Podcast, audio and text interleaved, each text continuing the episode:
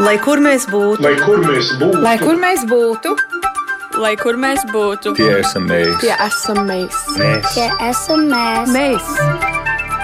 Tas ir par mums. Tas ir par mums. tas ir par mums. Esiet sveicināti! Skanējumu sāka raidījums Globālais Latvietis 21. gadsimts, un mums šodien saruna par to, ka tas bija 2007. gads, kad grupa entuziastu no Amerikas, Kanādas un Latvijas nodibināja privātu bezpēļņas biedrību Latvieši pasaulē muzejs un pētniecības centrs, kas saīsinājumā tiek dēvēts vārdā LAP. Šobrīd tas sevi jau pavisam no, nopietni pieteicis muzeju saimēji, un tieši tāpēc mēs šodien raidījumā tiksimies ar Latviešu pasaulē muzeju un pētniecības centra ekspertiem, lai uzzinātu, kā pielāgojoties jaunajai situācijai var radīt jaunas saziņas iespējas ar saviem muzeja apmeklētājiem, kā muzeja darbībai neapstāties, kā arī nepazaudēt to savu interesantu un, protams, arī kā nodot vēstījumu pasaulē par savu darbību. Un šeit klātienē Latvijas radio viens multimediju studijā ir Latviešu pasaulē muzejs un pētniecības centrs izpildu direktore Ieva Vītola. Sveicināti! Labdien visiem Latvijā un arī pasaulē. Jā, jo mūs var klausīties un mūs var arī skatīties, lai kur arī jūs pasaulē atrastos, jo raidījums ir skatāms gan Latvijas radio viens mājas lapā, gan arī skatīties varat radio YouTube kontā. Un tad jūs redzēsiet, ka attālināti savukārt mums uh, ir pievienojušās Marijana Auliciema, muzeja vadītāja un galvenā kuratore. Sveicināti, Marijana! Marijana ir jāizslēdz mikrofons runājot ar mums. Sārma Mužniece Liepiņa ir biedrības Latviešu pasaulē muzejs un pētniecības centrs valdes priekšsēdētāja, un Sārmai es saku labrīt, jo Sārma ir uh, tuvu pie Bostonas. Sveicināti, Sārma! Labrīt, labrīt. Un vēl šajā sarunā piedalīsies Vanda Daugsta, muzeja atbalstītāja no Nīderlandes. Sveicināti, Vanda! Labdien! Sakot, eh, ka mm, tas bija 2007. gads, eh, kādam radās tā doma, ka ir nepieciešams šāds muzejs latvieši pasaulē, mazliet vairāk par to ideju, kāpēc, kurš sajūta vajadzību pēc šāda muzeja, es droši vien jautāšu Marijanai, jo jūs tur tuvu klāt stāvējāt, bijāt tajā muzeja dibināšanas virpulī iekšā 2007. gadā. Jā, e, muzeju dibināja galvenais dibinātājs īstenībā ir mūsu ilgadīgā valdes priekšsēde, kura pašlaik nav mūsu valdes priekšsēde, un tā ir Maija Hinkle. Viņa dzīvo Ņujorkas statā, Amerikā, un viņa ļoti ilgu laiku bija strādājusi jau ar latviešu, diasporas latviešu dzīves stāstiem, Amerikas latviešu dzīves stāstiem. Un viņai likās, ka tas materiāls, ko viņa vāc, ir tik fantastisks. Tā bija ne tikai viņas personīgā vēsture, bet arī ļoti daudz citu cilvēku viņai apkārt vēsture, un viņai likās, ka varētu arī dibināt muzeju Latvijā par šo trimdas latviešu un arī ārzemēs dzīvojušu latviešu pieredzi. Muzejs uh, dibināts nu, tieši tehniski, varbūt mazliet ieskicējot. Vienam rodas tā ideja, kā viņš to ideju pārnes pāri okeānam un tad uh, iztīklo patiesībā pa visu pasauli. Nu, mēs, es domāju, mēs esam laimīgi, ka tas muzejs tika dibināts tādā laikmetā, kad mums ir Skype un mums ir visas digitālās iespējas, jo bez tām es domāju, ka mēs nekādīgi nebūtu varējuši šo panākt ko mēs esam darījuši. Jo mums valde ir bijusi visu laiku gan cilvēki no Amerikas, gan cilvēki no Latvijas, un mēs regulāri esam tikušies vienmēr un sprieduši par to, ko muzejam jādara. Tātad īstenībā tās digitālās te tehnoloģijas ir bijušas ar mums visu laiku, kamēr mēs esam pastāvējuši, un mēs esam ļoti viņas izmantojušas. Bet arī ir jāsaka, ka mūsu Amerikas valdes locekļi mēģina regulāri atbraukt uz Latviju, un tās tiešsaistes tikšanās, ne tiešsaistes, tie, tās īstās tikšanās acs pret acs vienmēr ir ļoti citādas, un īstenībā tās arī ir vajadzīgas. Varbūt ne bieži, bet vajag arī to cilvēku satikt, satikt vai ne tur īstajā dzīvē un aprunāties, jo tad tās sarunas veidojās citādi. Ieva, fiziski muzejs ir arī šeit, nu, uz vietas fiziski. Jā, tā ir. Fiziski mums ir muzejam krāti atrodas Latvijas Nacionālās bibliotekas pagrabstāvā. Cik daudz ir sakrāts? O, īstenībā mēs tagad varam pilnīgi droši un precīzi izstāstīt, ka tie ir gandrīz 18,000 vienību, kas ir gan pamatkrājumā, gan palīgkrājumā. Un mēs to zinām tāpēc, ka mēs esam veikuši to saucamo pilnu esības pārbaudi, kas bija vajadzīgā, lai muzejs iziet akreditācijas procesu. Mums ir arī Akmeņielā netālu no Latvijas Nacionālās bibliotekas birojas, jo mēs pa šiem gadiem, sanāk, mēs 13. gadu jau aktīvi darbojamies. No 2007. gada, kad mūs, mēs dibinājāmies kā privāta bezpēļņas organizācija. Un tajā krājuma telpā vai krātuvē arī nav labi, ka cilvēki bez krājuma darbiniekiem mm, strādā un uh, rīko tikšanās, jo tas atkal mikroklimatu ietekmē. Un tad mēs jau otro gadu esam akmeņu ielā tādā mazā birojiņā, kur mēs visu laiku man nebija ārkārtas situācija, tikāmies, strādājām, bet tagad, tāpat kā pavasarī, tad mēs attālināti izmantojot atkal Zoomus un Google Meet. Nu, bet uh, muzejs, um, nu, tāda klasiskā standarta doma muzejs, tur vairākas izstāžu zāles, viss ir izlikts. Kāds ir tas jūsu muzejs, kā muzeja apmeklētājs pie jums atnāk? Nu, lūk, ar to mēs uh, mazliet arī atšķiramies no pārējiem Latvijas muzejiem, jo faktiski mums nav patstāvīgas mājvietas. Bet tas nenozīmē, ka mēs tādu negribam. Mēs gribētu, un mēs par to domājam, un mēs noteikti tuvākajos gados pie tā strādāsim. Nu, lūk, un tā kā mums nav tās patstāvīgās ekspozīcija telpas, tad uh, tas, kā mēs strādājam, mēs veidojam lielas un vērienīgas izstādes un tās izvietojam kaut kur citur. Piemēram, pēdējās mums bija Latvijas Nacionālās bibliotekas izstāžu zālē. Nākamā, ko mēs diemžēl pārcēlām no šī gada aprīļa uz nākamo pavasarī, tā tad būs Latvijas dzelzceļa vēstures muzejā.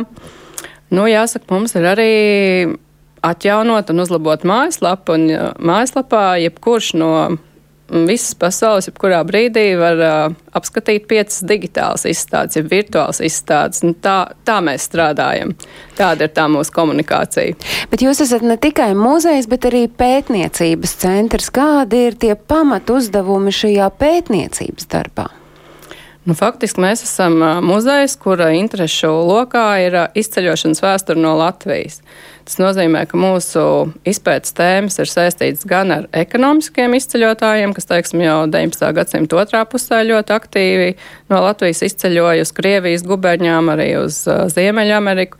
Tāpat mūs interesē baptistu izceļotāji uz Dienvidu Ameriku, arī mm, otrā pasaules kara bēgļi, kas devās uh, trimdā arī mūsdienu izceļotāji, un tātad mums ir arī sava pētniecības darba politika, kur mēs tās pētījuma tēmas atbilstoši savam gan izstāžu darbam, gan interesēm, gan aktualitātēm sabiedrībā, tad izvēlamies. Bet jā, mēs tātad ne tikai vācam materiālus un vēstures liecības par uh, latviešiem pasaulē, viņu dzīvi ārpus Latvijas, kas ir gan dokumenti, gan fotografijas, gan priekšmeti ar stāstu, bet arī šī pētniecība mums diezgan aktīvi arī norit, un to mēs īstenojam. 28. oktobris tas ir tāds pagrieziena punkts, tāds ļoti svarīgs brīdis muzeja līdzšinējā un iespējams arī turpmākajā darbībā. Tā bija a, akreditācijas komisijas vizīti, jo, kā jau es redzējumu iesākumā teicu, jūs esat uh, pieteikuši sevi, ka jūs gribat būt viens tāds riktīgs uh, muzejs muzeju saimē, un jums bija jāaiziet šī valsts akreditēšana. Ko tas vispār nozīmē, un droši vien arī, kāpēc jums tas ir svarīgi, ka jūs esat tāds pilntiesīgs muzejs? Nu, jāsāk ar to, ka laikam tā pati pati svarīgākā šī gada diena būs pēc desmit dienām, 17. decembrī, kad uh, muzeja padome pieņems to lēmumu.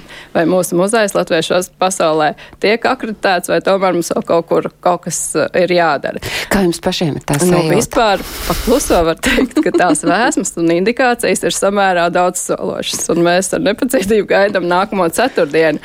Bet faktiski, jā, muzeja darbā tas 28. oktobrs, kad pie mums ciemos nāca kultūras ministrijas eh, izveidot akreditācijas komisija, bija tas svarīgākais, jo faktiski mēs šo dienu divus gadus gājām. Tā ideja par tādu mērķiecīgu darbu, lai mēs saņemtu šo akreditāciju, aizsākās pirms diviem gadiem ap šo laiku. Nu, lūk, tas, ko tas nozīmē? No vienas puses, praktiski tas nozīmē, ka mums vajadzēja sakārtot savu saimniecību, tā vienkāršiem vārdiem runājot, lai visi tie mūsu priekšmeti ir jebkurā brīdī atrodami, lai ir sakārtot krājuma uzskaita, lai par jebkuru priekšmetu mēs viņu varam momentā atrast, mēs viņu varam uh, uzreiz pateikt, kur mēs viņu esam ieguvuši, vai kādā ekspedīcijā, vai kāds mums ir uzdāvinājis, kāds ir šī priekšmeta stāsts. Uh, un no otras puses arī vajadzēja šo saturisko pusi arī izstrādāt, kas mums arī bija ļoti produktīvs laiks, jo proti vajadzēja gan līdzinējo darbību izvērtēt muzejam, gan arī izveidot nākamo piecu gadu stratēģiju. Nu, lūk, un tad uh, divi gadi, jo mums krājums ir samērā liels, un mūsu darbinieku skaits mēs šobrīd esam septiņi cilvēki, mm, ir, un ne uz pilnu slodzi visi septiņi cilvēki. Bija diezgan apjomīgs, bet man prieks, ka mums tā komanda tiešām ir tik enerģiska un mērķtiecīga, un mēs to paveicām. Nu, es saprotu, ka 28. oktobris arī akreditācijas komisijai nelika vilties mūsu darbā. Un tad kas mainīsies pēc tā 17. decembra gadījumā, ja jūs esat akreditēts muzejs? Nu, tas ir tas, ko jūs arī minējāt, ka no vienas puses mēs būsim valsts atzīts. Tas nozīmē, ka mūsu darbība un darbības kvalitāte ir valstiski atzīta, un mēs kļūstam par pilntiesīgu spēlētāju mm, muzeja nozarē Latvijā. No otras puses, tas mums pašiem, protams, iedod tādu jaunu līmeni. Mēs jūtamies citā statusā, tomēr atzīti un akreditēti. Bet es drīkstu saprast, kā tad jūs līdz šim esat jutušies? Nu, godīgi sakot, mēs esam jutušies labi, jo mēs darām to, kas mums patīk. Un, uh, faktiski mēs arī, man liekas, ļoti aktīvi esam strādājuši, un tā reputācija arī ir izskanējusi gan Latvijā, gan pasaulē. Es, es gribu domāt, ka samērā labi. Uh, Bet, protams, tas akreditētā muzeja status mums arī paver iespēju finansējumu piesaistīt. Teiksim, kultūra kapitālā ir tieši atsevišķas mērķprogrammas, kur mēs varam pretendēt kā tieši valsts akreditēts muzejs. Iepratim tagad mums ir tikai dažas tās tie konkursi, kur mēs varam uh, pretendēt. Un tas mums ir ļoti svarīgi, jo faktiski mums tas finansējums jau nāk vai no ziedojumiem, biedru naudām, vai arī projektos piesaistīt finansējumu. Pirms mēs turpinām un pārējām pie tā, kā tad šis laiks vispār ir jūsu muzeja darbību izmainījis, katram no jums es jautāju, kāda ir tā sajūta gaidot šo 17. De decembra verdiktu, būs vai nebūs pilntiesīgs muzejs, vai arī jūsu katras no jums tajā jūsu ikdienā tas varētu kaut ko mainīt un ko? Marijāna droši vien visu pirms. Nu, Man ir liels satraukums, bet, eh, bet reāli es domāju, ka mēs strādājam ar tādu vēsturi, ehm, kas, daudzo, kas ir nacionāli nozīmīga vēsture. Un man liekas, ka būtu tikai loģiski, ka mūsu muzejs ir daļa no tā Latvijas akreditēto muzeja pulka, jo tas nozīmē, ka mūsu krājums būtu daļa no Nacionālā muzeja krājuma. Es domāju, ka tas, ko mēs esam savākuši par šiem 13 gadiem, ir ļoti nozīmīgs Latvijas lielākam vēstures fonam, jo tas ir par visiem tiem latviešiem, kas dzīvo ārpus Latvijas, kas ir ļoti, ļoti svarīga daļa no Latvijas vēstures. Vanda, jums kā muzeja atbalstītājai, kāda ir tā sajūta gaidot 17. decembri? Sajūta ir brīnišķīga. Es esmu pārliecināta, ka tas notiksies. Un es kļuvu par muzeja atbalstītāju, redzot to lielo darbu un profesionālo veikumu, ko veids uh, muzeja darbinieki. Uh, tas ir kaut kas, kas man ir interesanti, un es ļoti novērtēju viņu darbu. Tātad es domāju, ka tas uh, būs tikai tāds stimuls turpināt iet uz priekšu. Un par iet uz priekšu runājot, šis ir tas brīdis, kad ir jāmeklē visdažādākie veidi un risinājumi, kā iet uz priekšu, kā muzejam neapstāties arī šajā situācijā. Un tad varbūt uh, sērma gan par to 17. decembri, gan arī uzreiz mēs varam pāriet, kā jūs redzat, kā muzejs ir izmantojis to iespēju, ka mēs patiesībā dzīvojam vienā trakā laikā. Nu, es domāju, tas, ko Marijāna minēja sākumā, ka, ka mūsu muzejs ir bijis balstīts uz to, ka mums ir bijis jāsadarbojas dažādos veidos, un ka šis laiks mums ir palīdzējis saprast, kā mēs to varam efektīvāk darīt, kā mēs varam iesaistīt mūsu atbalstītājus, mūsu klausītājus, mūsu apmeklētājus tādā virtuālā veidā, jo mēs vis, visu laiku cenšamies sasniegt cilvēkus visā pasaulē mūs, tas, ka mums muzejs būtu. Un es ticu, ka 17. septembrī mēs būsim akreditēti. Man jau šampanietis nopirkt.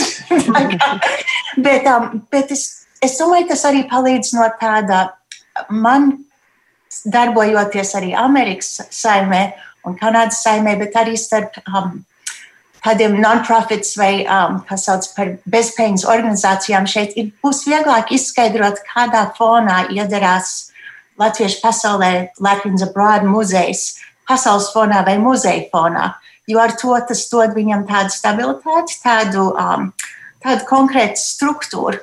No otras puses, domāju, ka tā radošā darbība, kas ir bijusi visus šos gadus, ir, tas ir kaut kas, kas piemīt bieži privātiem muzejiem, kas var darīt visu, kā viņi.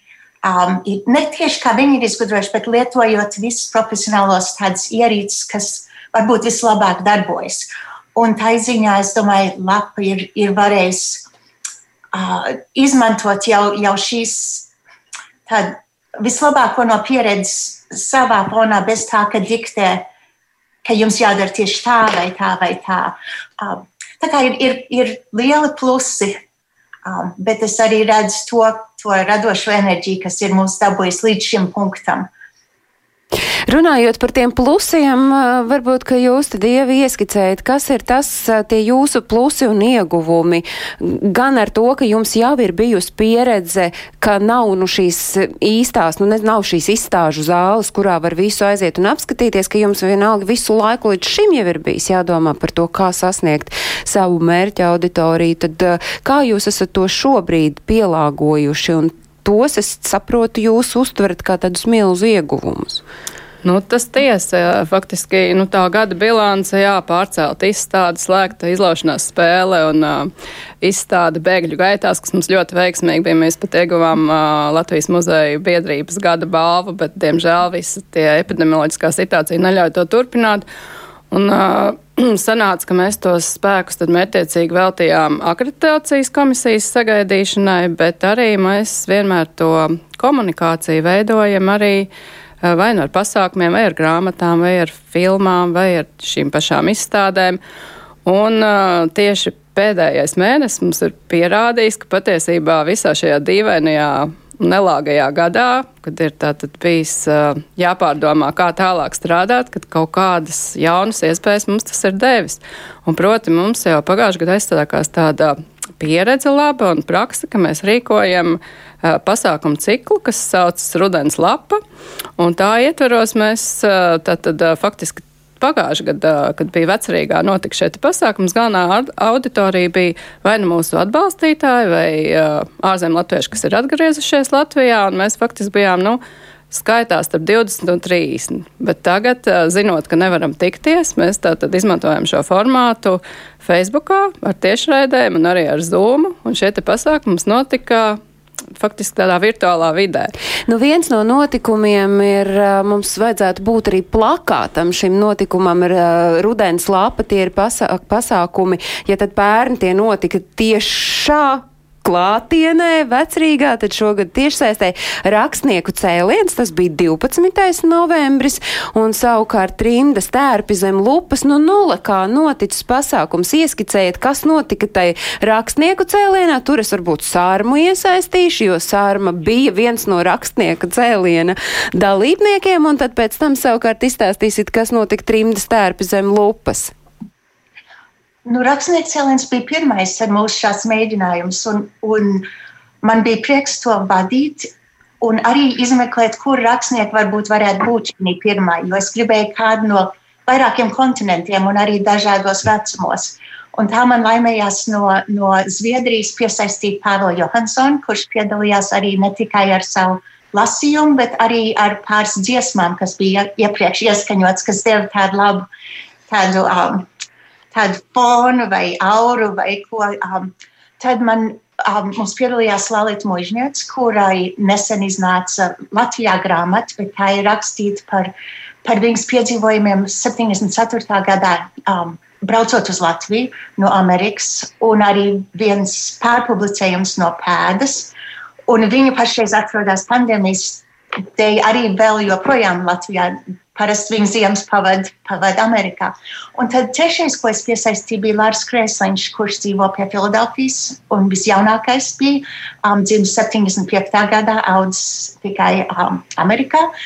Un, un tas viņš atkal fonā ielika um, pa, pa priekšu bija Filadelfijā, bet tad pēkšņi parādījās, ka viņš it kā ir Rimī veikalā Rīgā aizmugurē, izmantojot Zoom tās iespējas. Un, un tas viss man, man likās ļoti, um, saņem ļoti daudz jauks vēstules, sevišķi no vecākās paudzes ārpus Latvijas, kuriem bija iespēja redzēt un tuvu, ļoti tuvu, kā var zumā redzēt cilvēks, ko nekad nevar piedzīvot rakstnieku cēlienā. Tieši redzēt sejas vaipstus, kā katrs lasa, kā viņi izsakās. Un ap, apmeklētāju skaits bija, bija plašs un, un man liekas, ļoti ieinteresēti. Tā kā, tā kā es domāju, šo mēs varam kaut kādā veidā turpināt arī pat pēc pandēmijas beigām.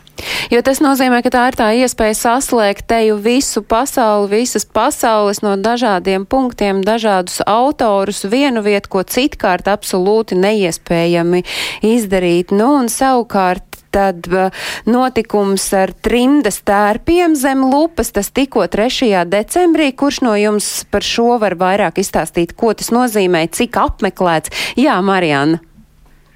Um, mums tas vakars bija ļoti omulīgs. Viņš bija, uh, mēs runājam par mūsu jaunāko projektu, kas ir izpētīt mūsu tautstēru kolekciju. Tas ir gatavojoties uz lielāku un nopietnu izstādi, kas mums būs dziesmu svētku laikā Rīgā.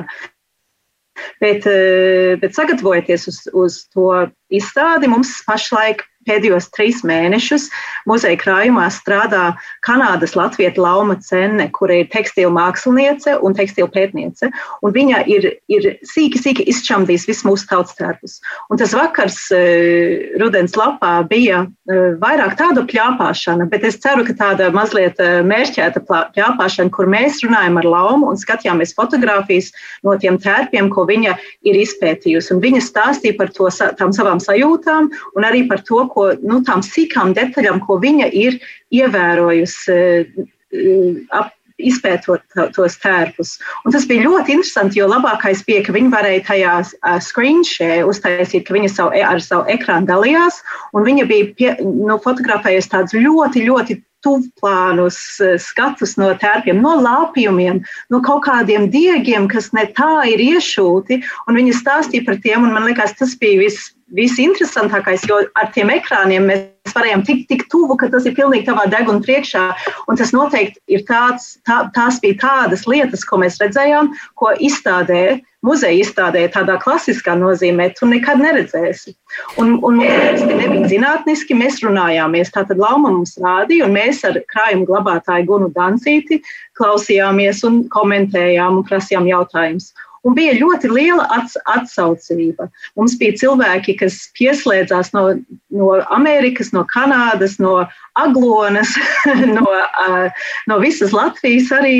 Un, uh, un bija, protams, ne no Austrālijas, jo Austrālija guvēja tajā brīdī, bet no citas, citām vietām pasaulē noteikti. Un tas bija tik jauki, ka mums bija komentāri un sveicieni no visas pasaules, un, un visi klausījās. Starp citu, runājot par to, ka muzejā šobrīd ir 18 krājuma vienību, vai jūs esat atvērti un gatavi papildināšanai, un vai, vai Latvijā dzīvojošie arī diasporas pārstāvi drīkst vērsties pie jums un teikt, man tur ir tas un tas, vai tas jums derēs? Jā, pilnīgi noteikti. Mums tiešām krājums tuvojas 18 tūkstošiem vienību, bet vēl joprojām mums ir uh, vairākas kolekcijas, kas prasās uh, tikt papildināts, tā skaitā tautas starp kolekciju, jo tieši arī viens no tiem izpētes mērķiem bija saprast, kas mums ir un kā mums vēl pietrūkst. Un mums te jau katru nedēļu kāds atraksta no Amerikas vai Austrālijas vai Anglijas vai Vācijas, ka ir tāda, tāds un tāds priekšmets vai mūs interesē, un tad mēs sazinamies, tā kā tas pilnīgi droši, un mēs visus aicinām ar mums sazināties. Tā, ceram, ka sadzirdēja dzirdīgas ausis mūs.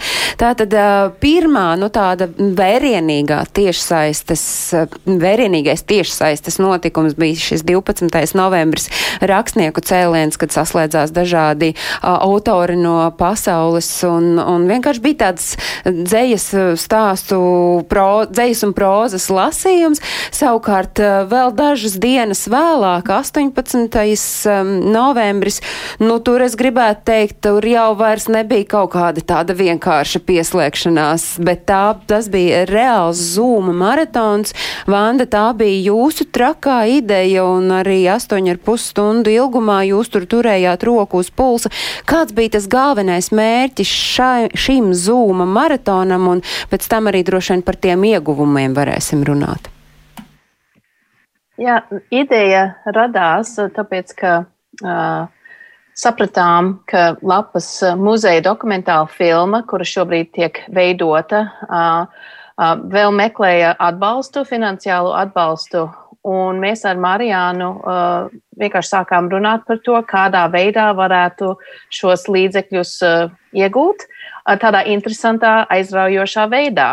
Un, ja nu es kaut kam pieslēdzos, tad tas parasti mēdz būt kaut kas ar plašu vērienu. Uh, un liku priekšā tādu ideju, ka mēs varētu runāt ar uh, tiem cilvēkiem, tiem, kas toreiz 70. un 80. gados bija jaunieši, trimdā, kuri piedalījās dažne dažādos politiskajos demonstrācijās un kuru piedzīvojumi tiek atspoguļoti filmā Valiant. Tātad es Marijānai teicu, pēc labākām Ziemeļamerikas ziedojuma vākšanas tradīcijām, cik ilgi mēs varam sēdēt ēterā tik ilgi, cik mēs gribam, un, un ejam uz priekšu un cenšamies rast cilvēkiem iespēju atbalstīt šo, šo filmu. Pies, piesiešos mazliet jūsu vārdiem sēdēt internetā, cik ilgi tā nebija vienkārši tāda bezjēdzīga sēdēšana, tā bija, nu, tāda jēgpilna saruna, jo tā saruna bija par un ap katra no sarunas dalībniekiem to pieredzēto un piedzīvoto dažādās demonstrācijās dzīvē dzīvojot trimdā un kā trimdas jaunietim iesaistoties šajās eh, politiskajās norisēs. Un es tagad gribu aicināt gan skatītājus, gan klausītājus iemest aci un ausi uz īsu mirkli šajā Zoom Facebook maratonā, kas notika 18. novembrī un runās Vanda Smudināta, Māra Pelēcis. Māra ir režisore, bet eh, pēc īsa mirkļa mēs arī uzzināsim, kam viņa režisori jau gan Vanda mazliet pieminējāt. Klausāmies un skatāmies. Čau, Māra! Sveiki! Paldies, Vanda! Paldies, Marijana, par visu šo rīkošanu. Un ir bijis patiesi interesanti um, noklausīties visas sarunas šodien. Es nebiju teiksim, mums ir distancētās mācības paralēli visu laiku, bet es daudz ko tomēr paspēju noklausīties, staigājot apkārt savu telefonu. Tā, tā tad ir, jā, man ir arī daudz reakcijas vienkārši par to, nevis tikai par filmu, bet kur mēs sāksim, jo mēs bijām runājuši par vairākām tēmām. Es domāju, ka mums jāsāk ar tevi drusiņu. Labi. jo mēs kaut kā sākām viens ar otru runāties. Es neatceros, kāpēc, bet, bet izrādījās, ka mums abām bija trimdas latviešu audzināšana, un mēs abi bijām kaut kā mazliet par jaunu, lai piedalīties tajās demonstrācijās, par kurām mēs bijām dzirdējušas. Un, bet tomēr mēs arī abas bijām politiski aktīvas, un varbūt grib mums pastāstīt par saviem lieliem izgājieniem. nu, jā. Um, kā jau var redzēt, šeit ir pagaidi, šī pusē Minopola, vai ne? Tā, tad, tā ir, nav tik liela pilsēta, tā nav Ņujorka, tā nav Vašingtona. Un, kad mums bija demonstrācijas šeit, tās bija uz mūsu štata kapitāla trepēm. Tas ir um, pār lielai pļavai, gandrīz varētu teikt, nevis tikai parkam. Un tad ir lielceļš 94 vai angliski I-94, un tad tik ir St. Pauls centrs. Tātad mēs tur stāvēt tautstērpos, uh, ar segām, jo tomēr ir vēste šī gada laikā. Un um, beigās dedzinājām karogu, bet tie, kas to redzēja, um, tie bija vairāk tie, kas tikai tur strādāja tajā valsts ēkā, vai ne? Um, bet kas bija un par ko vairāk cilvēki ir runājušies šodien, ir tā kopsajūta un tā audzināšana. Un turklāt, man liekas, arī tās emocijas, ka mēs varējām um, tiešām izjust tās emocijas, jo mēs arī tikām audzināti ar to sajūtu, ka mēs nedzīvojam Latvijā, ka mums tomēr jārūpējās par to. Un tur bija gan dusmas, gan bēdas. Zin, es domāju, un tajās dienās mums bija atļauts visu to izpaust un izjust. Un es domāju, tas arī bija ļoti svarīgi. Um, Un, un tā sajūta, ka mēs tāpat tā kā tagad, kad Dievs svētī Latviju un mēs atsevišķos ārzemju centros noskatām uh, valsts prezidentu uzrunu un dziedam, um, tad mums tā kopsajūta ir. Un es domāju, demonstrējot arī, ja mēs nebijām Vašingtonā, um, mēs varējām izjust to, ka mēs visu to darām vienā dienā. Tas bija neliels fragments no 18. novembra Zoom maratona ar nosaukumu Tu biji tajā demonstrācijā.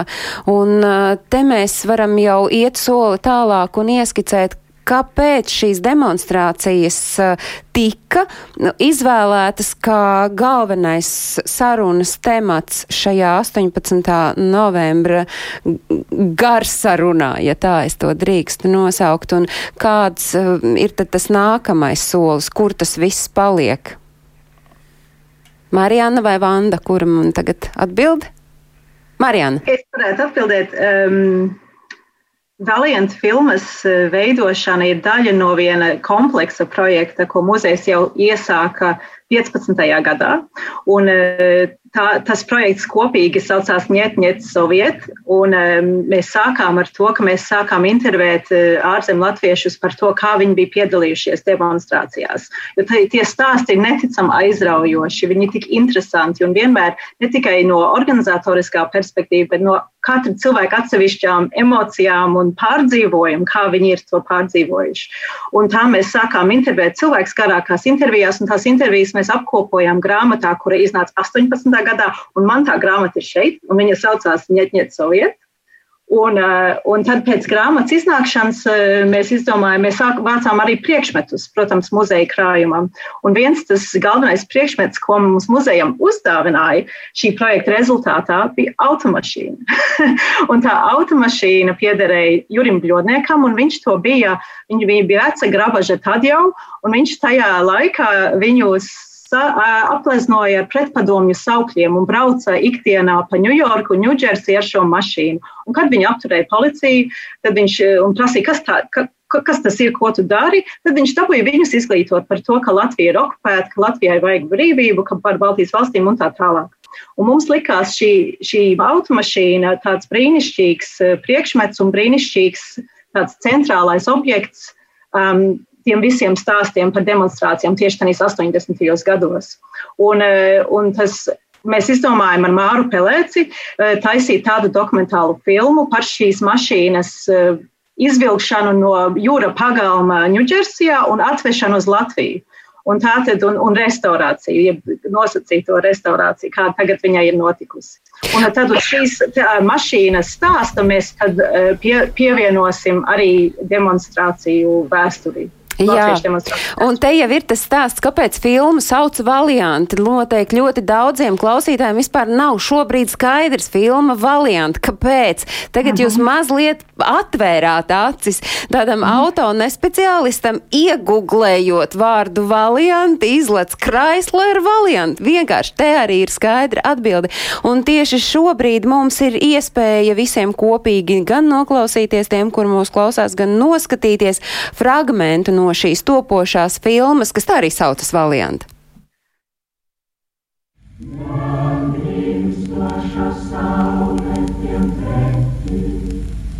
Pirmā latviešu pretpadomu demonstrācija ārzemēs notika 49. gadā Vācijā, kur piedalījās aptuveni 5000 bēgļu.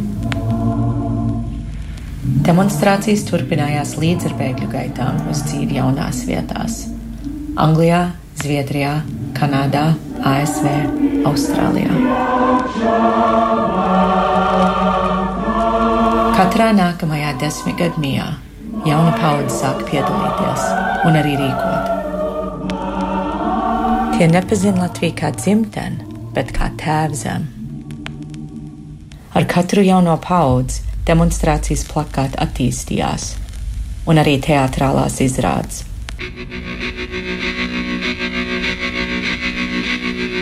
Demonstrācijas garas dažiem kļuva daļa no ikdienas, ar politiskām pogām un teikrekliem. Jūras bļodnieks nes šos saukļus arī uz savas automašīnas.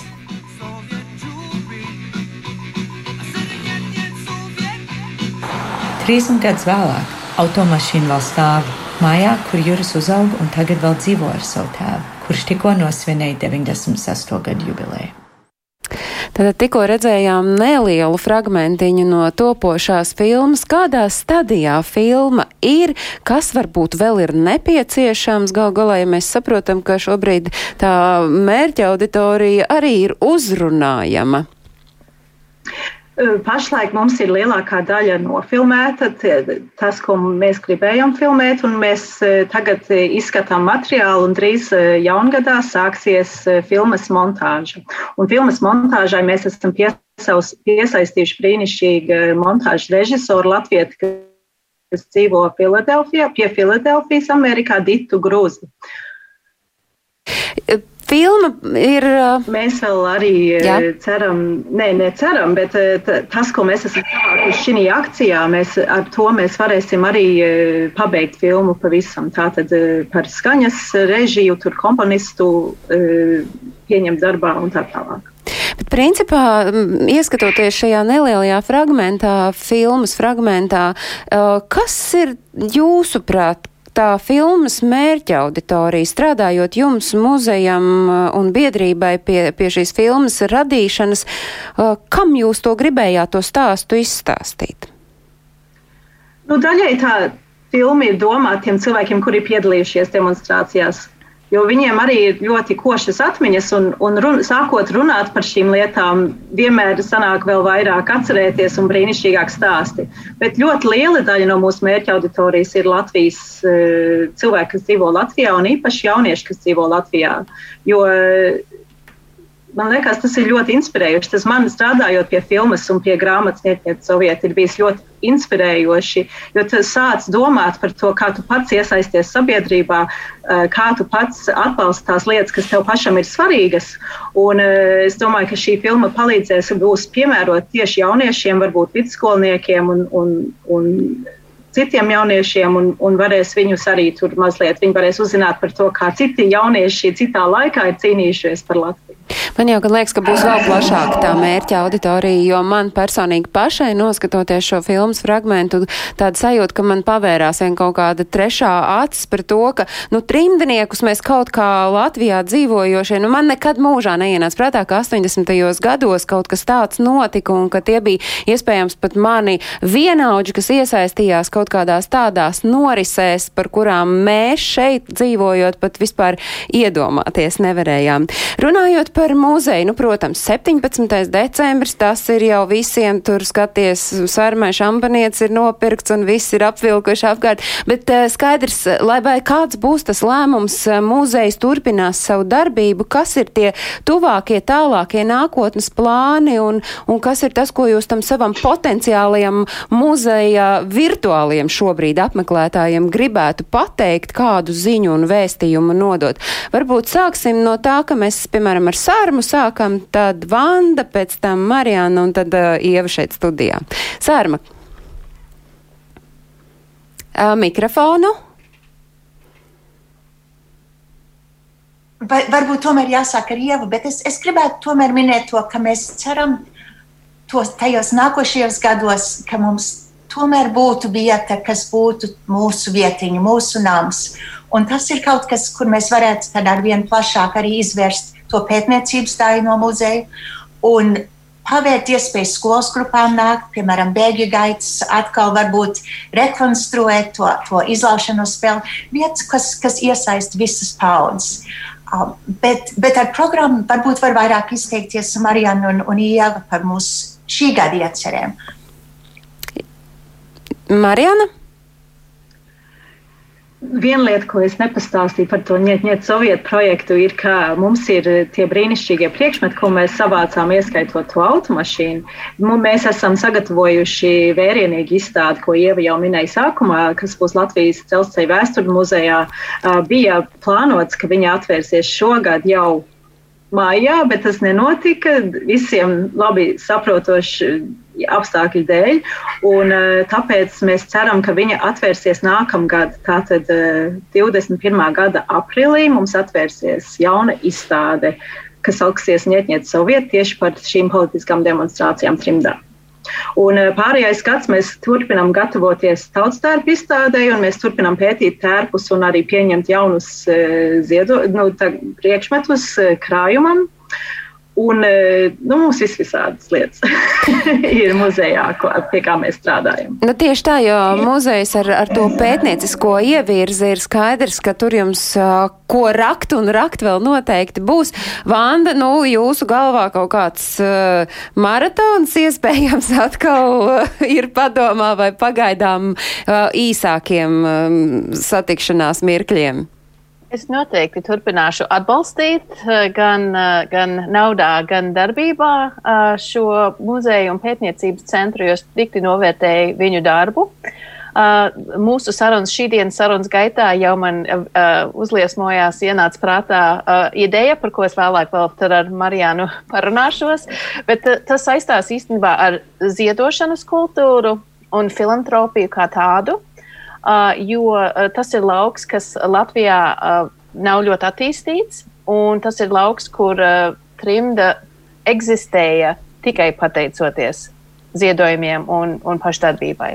Tātad, jau Marijāna, es ar tevi sazināšos. E, labi, jūs tad sazināsieties, un mēs savukārt gaidīsim ziņas no jums, jo skaidrs, ka mūsu redzījumā to ziņu var atkal tālāk diezgan veiksmīgi nodot. Nu, Ieva, kas ir tie jūsu meitenes jau viss izstāstīja? Nu, mēs noteikti turpināsim pasākumus. Gan tieši saistē, mums ir arī starp citu plānots uh, palaist mājaslapu angļu valodā, jo, protams, mainoties paudzēm, arī auditorija ir tāda, kas labprāt informāciju uh, lasītu angliski. Mēs arī ziedojuma vēstules rakstam gan latviešu, gan angliski, un tā ir tāda jau realitāte ikdienas. Nu jā, un tad mēs nu, droši vien tāpat turpināsim cītīgi strādāt, būsim tikpat enerģiski un uz priekšu. Nu, galvenais, lai jums ideju neaptrūkstas, un uh, arī raidījuma globālais Latvijas 21. gadsimts veidotāja komanda tur īkšķus, un būs domās ar jums noteikti 17. decembrī dienā, kad jūs uzzināsiet, vai jūs uh, tiekat akreditēti kā muzejs vai nē. Stāsts šodien bija par uh, muzeju un pētniecības centru Latviešu pasaulē. Izpildu direktora Ieva Vītola bija šeit klātienē Latvijas radio viens multimediju studijā un savukārt attālināti Zoom sarunā piedalījās Marijāna Auliciema, kura ir muzeja vadītāja un galvenā kuratore, piedalījās arī biedrības Latviešu pasaulē muzejas un pētniecības centrs valdes priekšsēdētāja no Bostonas Sārma Muižnieca Liepiņa.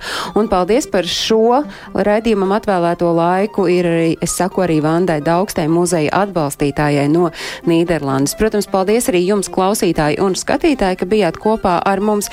Es atgādinu, ka visas ārpus Latvijas dzīvojošajiem aktuāli aktuālās un svarīgās norises jūs varat meklēt portālā latviešu.com.